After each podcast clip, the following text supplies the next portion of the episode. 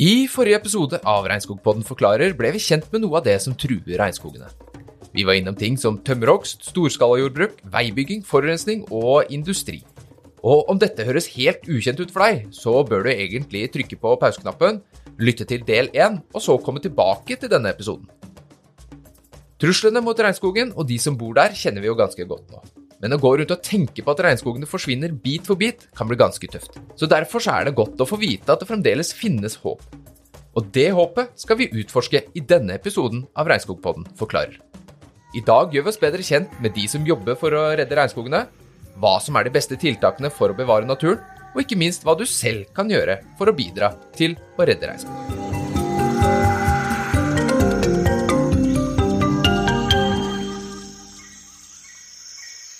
Selv om det kan virke ganske dystert når man leser nyheter om ødeleggelser i verdens regnskoger, så finnes det fremdeles massevis av håp for at vi skal kunne ha intakte regnskogsområder også inn i fremtiden. Og grunnen til det er alle de fantastiske menneskene som jobber målretta dag inn og dag ut for å sikre verdens regnskoger. Men å bevare regnskog er ganske komplekst, så for at denne podkasten ikke skal bli så altfor lang, så bryter vi temaet litt ned og forenkler. Eller vi forenkler egentlig ganske mye. La oss først ta en titt på det mest overordnede nivået, nemlig internasjonal storpolitikk. Det som har størst påvirkningskraft på naturens tilstand, er hvordan det står til i det nasjonale og internasjonale politiske klimaet.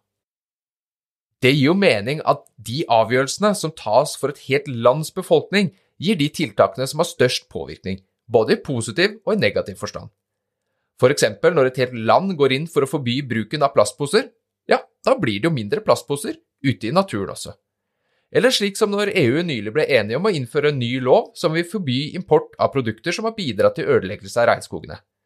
Så når alle mennesker innenfor EU ikke lenger kan kjøpe varer som palmeolje, kjøtt, soya, kaffe og kakao fra ikke bærekraftige produsenter, ja, da må de altså handle mer bærekraftige alternativer. Og på den måten så sikrer EU seg at innbyggerne sine kjøper kaffe og kakao fra kilder som ikke har bidratt til avskogning. Et annet eksempel på en stor seier for internasjonal politikk er jo at det under sitt klimatoppmøte i Glasgow i 2021 ble enighet mellom mer enn 100 land om å stoppe avskoging innen 2030. Og selv om disse lovene og avtalene i første omgang er signaturer på et papir og løfter fra politikerne, så sender det jo et kjempesignal til verdenssamfunnet om at nå er vi endelig klare for et krafttak for regnskogen.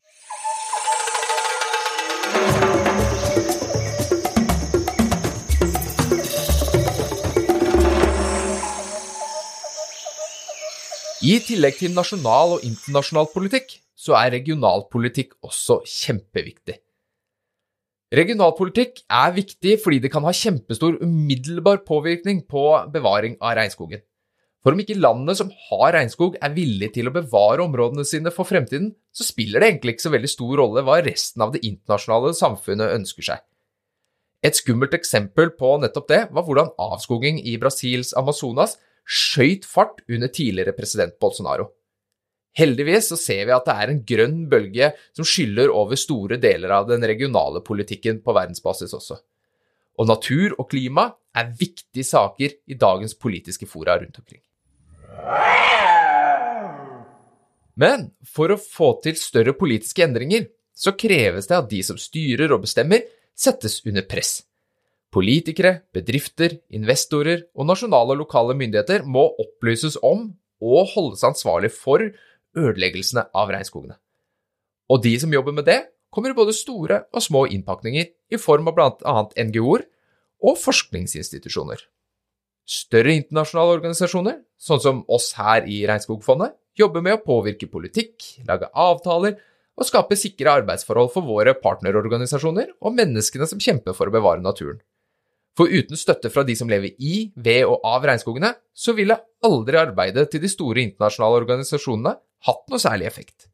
Regnskogfondet sitt arbeid er helt avhengig av de nasjonale, regionale og lokale organisasjonene som vi samarbeider med. Og for å skape endring og sikre regnskogene, så jobber vi sammen med mer enn 60 partnere i syv land. Og det er jo ute hos disse gruppene mye av det konkrete bevaringsarbeidet pågår. Dag ut og dag inn så jobber folk for å patruljere, registrere og rapportere om ødeleggelse i regnskogene og fortelle om overtramp på folks rettigheter. Og det er en jobb som er langt ifra ufarlig. Faktisk så drepes det flere regnskogvoktere hvert eneste år mens de forsøker å beskytte naturen som danner livsgrunnlaget deres. Vi mener at dette er totalt uakseptabelt, derfor så kan ikke kampen for å sikre rettighetene deres settes på pause.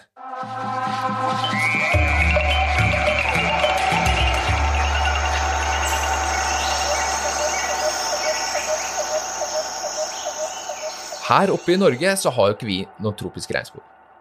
Derfor er vårt personlige engasjement for naturen vårt viktigste verktøy for å redde regnskogene. Og det kan vi vise frem på flere måter. Det viktigste, og det som antagelig gir størst effekt, er å bruke stemmeretten vår. Når det er valg, så kan vi påvirke både internasjonal og nasjonal politikk gjennom stemmeseddelen. Og det starter i det små ved lokalvalgene. En liten endring i hvem som styrer i lokalsamfunnet rundt omkring i Norge, kan ha store ringvirkninger oppover i det politiske systemet. Derfor er det så viktig at vi alle sammen tar det ansvaret vi har, og stemmer ved både lokale og nasjonale valg, slik at vår stemme kan telle for en bedre fremtid. For hvis ikke det var for at vi som verdensborgere var med på å presse politikerne våre til å ta ansvar, så ville jo kampen for å ta vare på naturen stå på stedet hvil, mens de som tjener penger på å rasere vår felles naturarv, ville kunne kjøre på som før. I dagliglivet vårt, derimot, når det ikke er valg, så vil du jo gjennom å ta mer miljøvennlige valg i hverdagen være med å gjøre en forskjell. Det kan f.eks. være at du hopper på bussen eller sykler istedenfor å ta bilen, du kan spise litt mindre kjøttprodukter, eller du kan velge produkter uten palmeolje når du er ute og handler.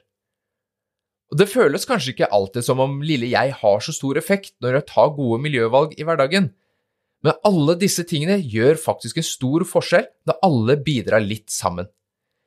Alle kan ikke gjøre alt, men vi kan alle gjøre litt. Og ofte så kan faktisk det største bidraget vårt være å bare fortelle andre rundt oss om hvorfor man bør bry seg om naturen og menneskerettigheter. Men det desidert aller viktigste tiltaket vi kan gjøre, er jo å sikre urfolk sine rettigheter til å forvalte naturen de lever i, av og med. Ikke bare er det etisk riktig å påse at alle mennesker får sine rettigheter ivaretatt, men urfolk er også i stor grad de beste forvalterne av sitt eget livsgrunnlag. Og da spiller det egentlig ingen rolle om det er regnskog, savanne eller havområde vi prater om. Ved å tilbakeføre rettighetene til naturgodene og dele forvaltningsbyrden med urfolkssamfunnene, så vil naturen utvilsomt få det mye bedre enn under dagens ikke bærekraftige styre.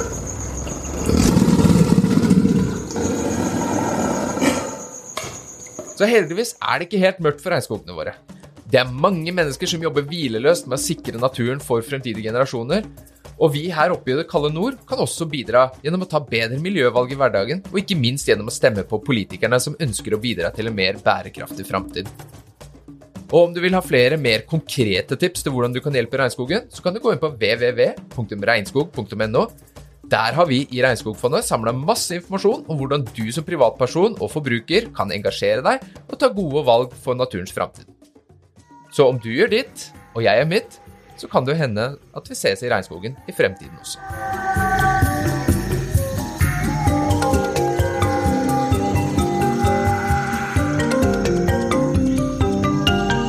Du har nettopp hørt på Regnskogpodden, en podkast produsert av Regnskogfondet i samarbeid med Norad. Liker du det du hører? Da vil vi anbefale deg å trykke på abonner-knappen på Regnskogpodden der du lytter til podkast. Da går du ikke glipp av episodene som kommer i nærmeste fremtid. Og vi blir også veldig glad om du har lyst til å anbefale oss til eh, familien din eller til en venn. Ønsker du å lære enda mer om hva Regnskogfondet egentlig driver med? Da finner du masse informasjon inne på www.regnskog.no, på Instagram at Regnskogfondet og på Facebook. Vi hører veldig gjerne tilbake fra dere som lytter til oss, så om du har ris, ros, spørsmål, kommentarer eller forslag til tema og gjester, så kan dere sende det til oss på en god gammeldags e-post på pod alfakrøll rainforest.no.